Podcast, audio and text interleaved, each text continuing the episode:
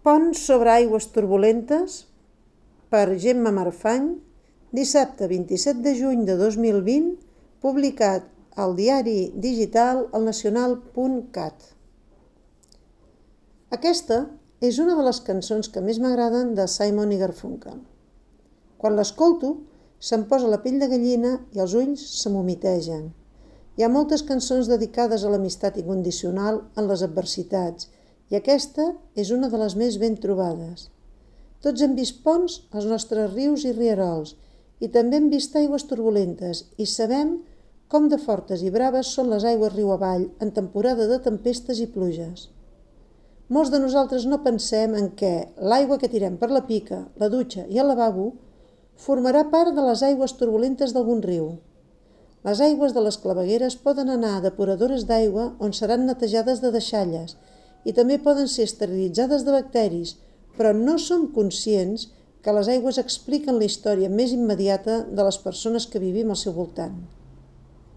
Potser molts de nosaltres creiem que quan estirem la cadena o premem un botó, l'aigua s'emporta canonada avall tot allò que ja no volem ni necessitem, sigui orina i femta o qualsevol altre residu. Aigües avall, d'allò que els ulls no veuen, el cor no se'n dol, però les aigües són analitzades a la depuradora i poden explicar què està passant a la ciutat o al poble del costat.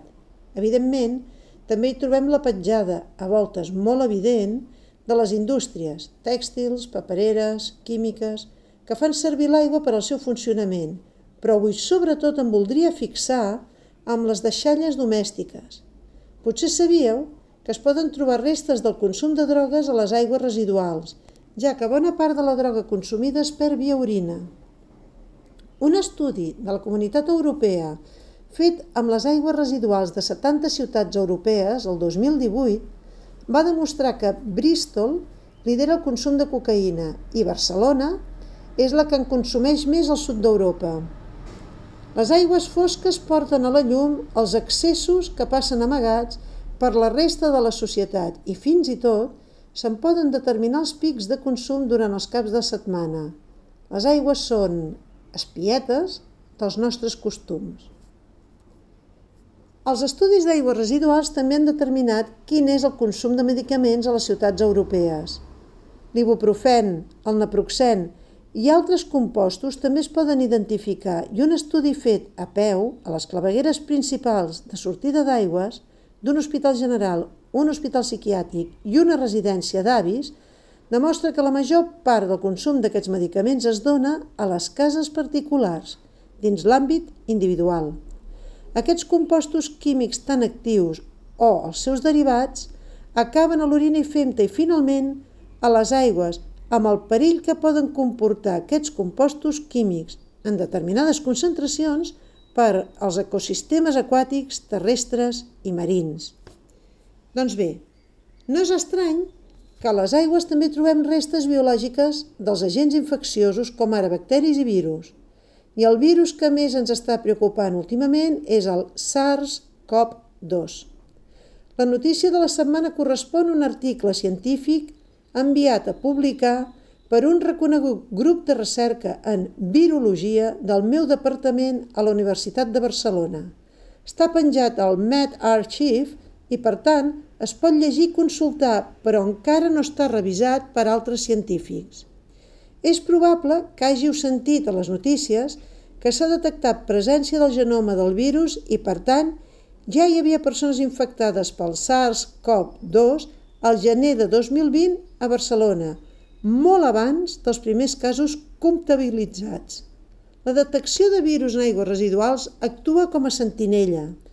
Ens avisa de la situació fins i tot molt abans que la detectem per altres sistemes.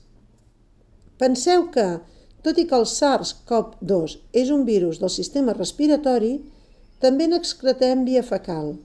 Aquests virus passen a l'aigua residual i en les mostres que s'extreuen a les depuradores per a l'anàlisi de la qualitat i composició de l'aigua, quan arriba ens dona una foto de la realitat de la infecció, sigui coneguda o no. Moltes persones poden haver passat la malaltia de forma asimptomàtica o molt lleu, però deixen anar els virus a la femta. Aquestes persones no es van fer PCR de detecció en aquell moment, però la petjada de la presència del virus es detecta perquè amplifiquem el seu genoma en les mostres d'aigües. Des del pic al 13 d'abril fins a finals de maig, s'han analitzat setmanalment les mostres d'aigua procedent de dues depuradores diferents. S'observa com la càrrega viral va decreixent amb el, amb el confinament, fins que el 25 de maig és gairebé indetectable. Per tant, a més dels casos coneguts de contagi, podem analitzar les aigües residuals i tenir una altra visió de l'estat de la infecció. Per confirmar els resultats, els investigadors no fan una única prova de PCR, sinó que en fan cinc de diferents, amplificant cinc regions del genoma del SARS-CoV-2. Troben una total concordança demostrant que les mesures són fidedignes. Analitzant dades d'aigua congelada del desembre fins a març, ja detecten que hi havia casos al gener, almenys a Barcelona.